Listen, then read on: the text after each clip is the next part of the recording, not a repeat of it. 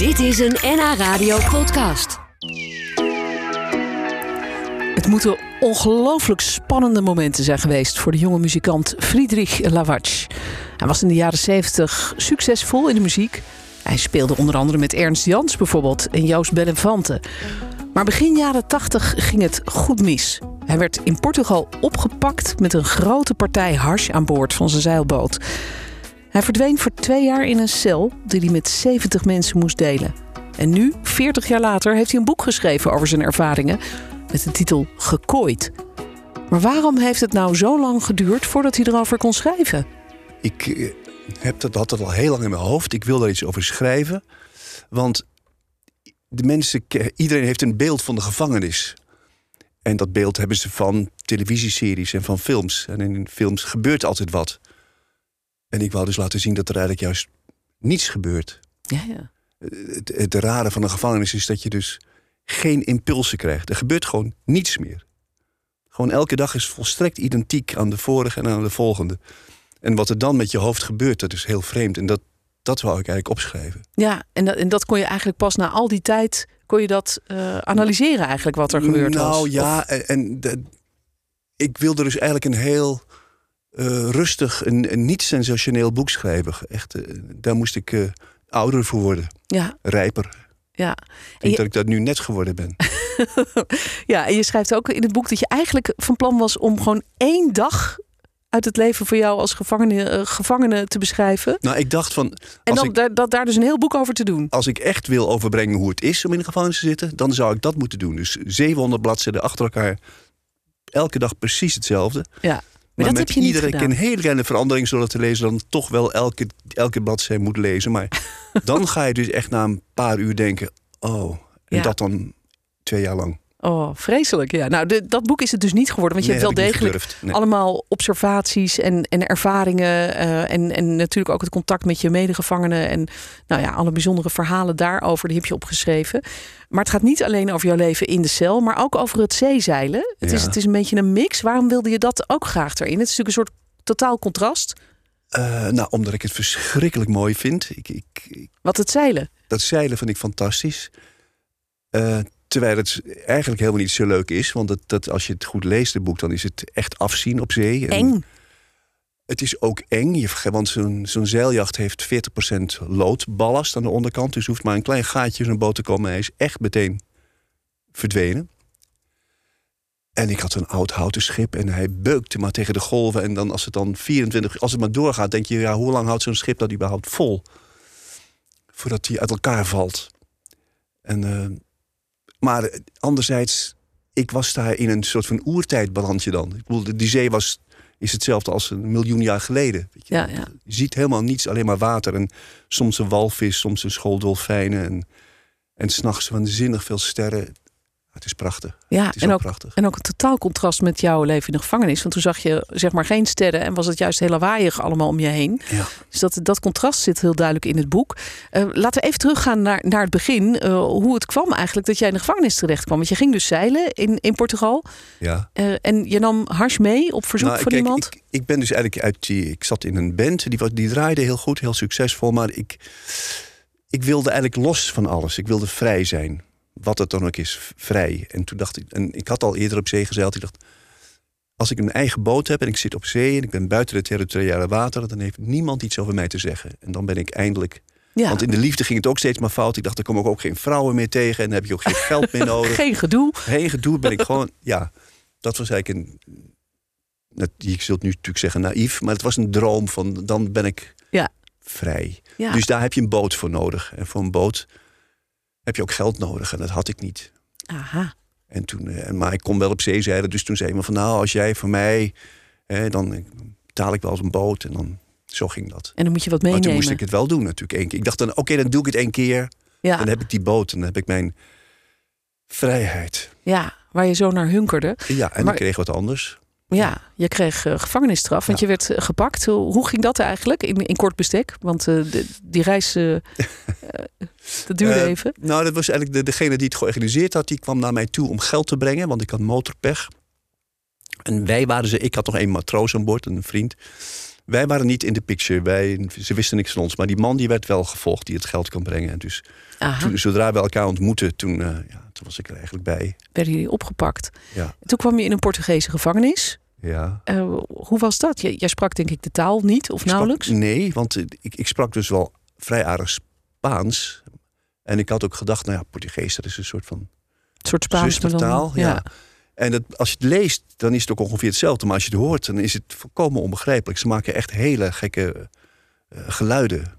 ik weet nog wat het, het Portugese woord voor nachtmerrie is pesadelo. Pesadelo? Pesadelo. Oh. Ja, dus eh, dat zijn allemaal letters die eigenlijk in ons alfabet niet eens voorkomen. Nee. Allemaal klanken bedoel ik. Die Ja, ja. Ja. Dus ik heb dat. Ik, ik heb het ergens beschreven. Mag ik even wat zeggen? Zeker. Dat ik, als ik het kan, kan vinden. Hier bijvoorbeeld. Dan. Hier. Kijk, dan zeg ik Portugese woorden hangen als een zwerm luidruchtige insecten om mijn hoofd. En dan bijvoorbeeld dan wil ik weten hoe je brood, hoe dat heet. Ja. Dus ik wijs een stuk brood aan en kijk vragen. Dan zegt een behulpzame lotgenoot zegt dan... Pel. Dan zeg ik... Pel? Nee. Pel. ze, hebben de, ze hebben er lol in dat een Hollander dus geen brood kan zeggen. En, eh, maar je Ja. schrijft het gewoon als pao. Ja, ja, maar de uitspraak is eh Het duurt een, echt een flinke tijd voordat je het onder de knie hebt. Ja, zo kom jij in een eh, gevangenis terecht die natuurlijk ook heel anders is dan in Nederland. Stel ik me zo voor. Ik ken de Nederlandse gevangenen. Ik weet dat je het weet. Je denkt natuurlijk dat ik een crimineel ben. Maar de Nederlandse gevangenissen die ken ik niet van binnen. Maar misschien eh, is het wel een, een bepaalde voorstelling die je daarbij kunt maken van een Nederlandse cel ten opzichte van hoe het in Portugal was. Nou, moet je voorstellen, het was 1980. Dus toen was Portugal op zijn allerarmst. Die stond, zat nog niet in de EU, die bestond nog niet. Ze waren hun koloniën, Mozambique en Angola, kwijt. Waar ze hun goud en diamanten vandaan haalden. Ze waren echt straatarm. Dus als het land straatarm is, dan is de gevangenis wel helemaal straatarm. Ja, er was gewoon niks. Dus hoe zag het eruit dan? Je, je werd echt in een, in een grote Het cel. was een hele grote eh, ruimte in een oud fort. Met eh, eindeloos veel stapelbedden, vaak drie boven elkaar. En dat was met één, één deur ook. Gewoon een gewone toegangsdeur van staal. En s'nachts speelden ze ook met vuur. Dat ze- deden ze voor de grap wel eens stukjes brandend papier tussen de tenen van iemand die gepest werd. Die ging dan fietsen, noemden ze dat. Maar toen dacht ik ook, als nu brand uitbreekt, voordat een bewaker het bevel krijgt om een deur te openen en dan al die 70 man. Het was precair, Ja, zacht gezegd. Het was Ja. ook. het klinkt als de hel eigenlijk. Ja, en Ja. toch beschrijf ik ergens na drie dagen al. Toen ik binnenkwam, toen dacht ik, ik weet je wat, ik, ik pleeg zelfmoord, dit doe ik niet. Nee, is te erg. ja. En na drie dagen moest ik al om iets lachen. Dus dat, je, je past je aan. Eh, je vertelde net al, je sprak niet echt Portugees. Dus je kende de taal niet. En je kwam in een gevangenis terecht. In eerste instantie met 70 mensen in één hele grote ruimte met stapelbedden en één toegangsdeur. Hoe, zag jouw leven eruit daar? Ik zei net even, het was de hel, zo klonk het. Maar nou ja, het, eh, we hadden twee uur per dag mochten we eh, op een binnenplaatsje op en neer lopen. En twee keer per dag werd je naar de een eetzaal geleid. En verder zat je gewoon, zeg maar, twintig uur per dag in die ruimte. Ja, en je zei net, er gebeurt niks in zo'n gevangenis. Je hebt geen prikkels, maar er was wel heel veel geluid, hè? Nou, iedereen praatte voortdurend keihard met elkaar. En om elkaar te verstaan moesten ze nog harder praten, omdat die anderen ook zo hard praten. En dan hadden ze ook nog allemaal radio's aan. En, Misschien kun je even het stukje lezen wat je, hoe- hoe je dat beschreven hebt in je boek. Hoe je dat doorstaan hebt eigenlijk. Na een jaar lang overleefd te hebben door een dik schild om mij heen te kweken. Urenlang lag ik opgerold als een gordeldier op bed te midden van een heksenketel van schreeuwende gevangenen. Zou dat misschien wel de eerste grote stap naar bevrijding zijn? Mijn panzer afpellen. Ja. Hoe, hoe heb jij je daar staande gehouden? Want je hebt die, al die herrie. Tegelijkertijd is er niets te doen. En dan heb je ook nog, zit je in een gevangenis met allemaal mensen om je heen die jij niet verstaat. En je zou zomaar eens de pispaal kunnen worden en dan brandende papiertjes tussen je tenen kunnen nee, maar krijgen. bij mij dus niet, want men dacht dat ik een hele belangrijke jongen was. En dat heb ik ze laten denken, want daardoor ben ik ook door niemand ooit lastiggevallen. Wat, Ah. Daar gebeurden allemaal vreselijke dingen, maar in mij had, iedereen had respect voor mij. Ze dachten dat ik een drugsbaron was. Goed zo, houden zo. Ja. En dat dacht ik, ja, Ja. Ik, ik, ik hoefde verder niet, eh, ik heb dat niet aangedikt, maar ze, ze dachten allemaal, nou, als ik eenmaal vrij ben en ik heb contact met hem, dan. eh, dus dat is de manier waarop ik ze van, van het lijf hield.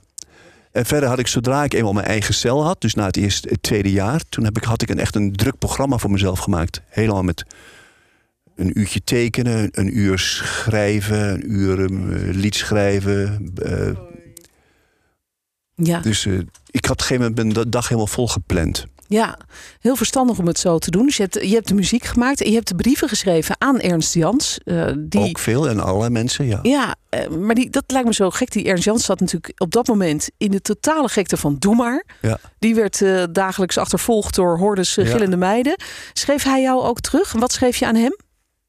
Ik beschreef aan hem, god, ja, hoe het daar was. En hij was ontzettend. Hij heeft me ook echt ge geholpen met van alles. En, en ik heb dus de hele eerste begin meegemaakt. Dus ik kreeg een eerste brief van. Goh, we hebben steeds meer optredens. We hebben een nieuwe, een nieuwe bassist en die schrijft wel drie liedjes per week. En er zitten hele goede tussen. En nou, toen van we hebben een hit. Een brief daarop, we hebben weer een hit. En, we staan nu al weken op één. En het, terwijl ik al die tijd bij in die cel zat, waar helemaal niets gebeurde. Dus het was wel heel grappig. En ik, ik wist ook dat dat was gewoon achter zijn grote droom. Hij wilde dat zo graag en het gebeurde voor hem. Dus dat, ja, ook wel heel mooi natuurlijk. Het was hartstikke mooi. En ik kreeg op een gegeven moment ook een brief van iemand die ik niet kende. Ze van, hallo, ja, je kent me niet, maar ik ben de nieuwe bassist... en ik hoor dat je zo graag brieven krijgt. Dat was een brief van Henny. Dat was een hele aardige lief. brief ook. Oh. En toen, en daar ben ik erg trots op, toen zei hij van... ja, en we hebben besloten om van nu af aan nog alleen maar reggae te spelen. Wat vind je van dat idee? Toen heb ik gezegd, nou, dat vind ik een erg slecht idee. Ik zou het niet doen. ja, oh, wat grappig. Maar luister Vanuit jezelf. Maar, ja, ja. ja. Nee, nee, precies. Nee. nou, wat een, uh, wat een gekke tijd moet dat zijn geweest uh, voor jou om die verhalen binnen te krijgen terwijl jij daar in die cel zat. Nou, het gekke was dus dat die, brief, die brievencommunicatie, dat ging prima. Dat, dat, was ook niet pijnlijk voor mij. Weet je, dat, ook al werden zij dan heel erg beroemd en ik zat daar. Het ergste was als ik bezoek kreeg. Als iemand dan kwam, oh, ja. dan zat ik opeens zaten we aan elkaar aan een tafeltje. En dat was dan, dan werd het pas echt pijnlijk. Want ik wist dat ik een kwartier later alweer daar naartoe moest. En zij konden ja. op een terras gaan zitten bijvoorbeeld. Ja, je, je begon net met vertellen dat je eigenlijk op zoek was naar de ultieme vrijheid. Daarom Ja. ging je varen. Daarom nam je dat risico dat je die drugs Ja. had meegenomen. Want anders kon je die boot weer niet betalen.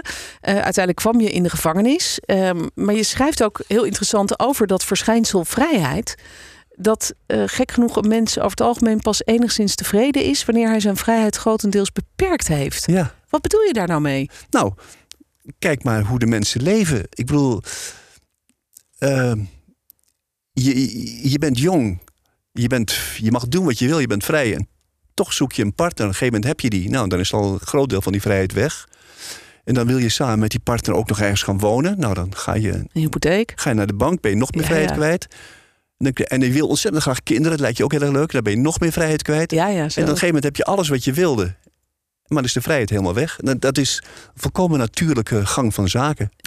Dit was een NH Radio podcast. Voor meer, ga naar nhradio.nl. Radio.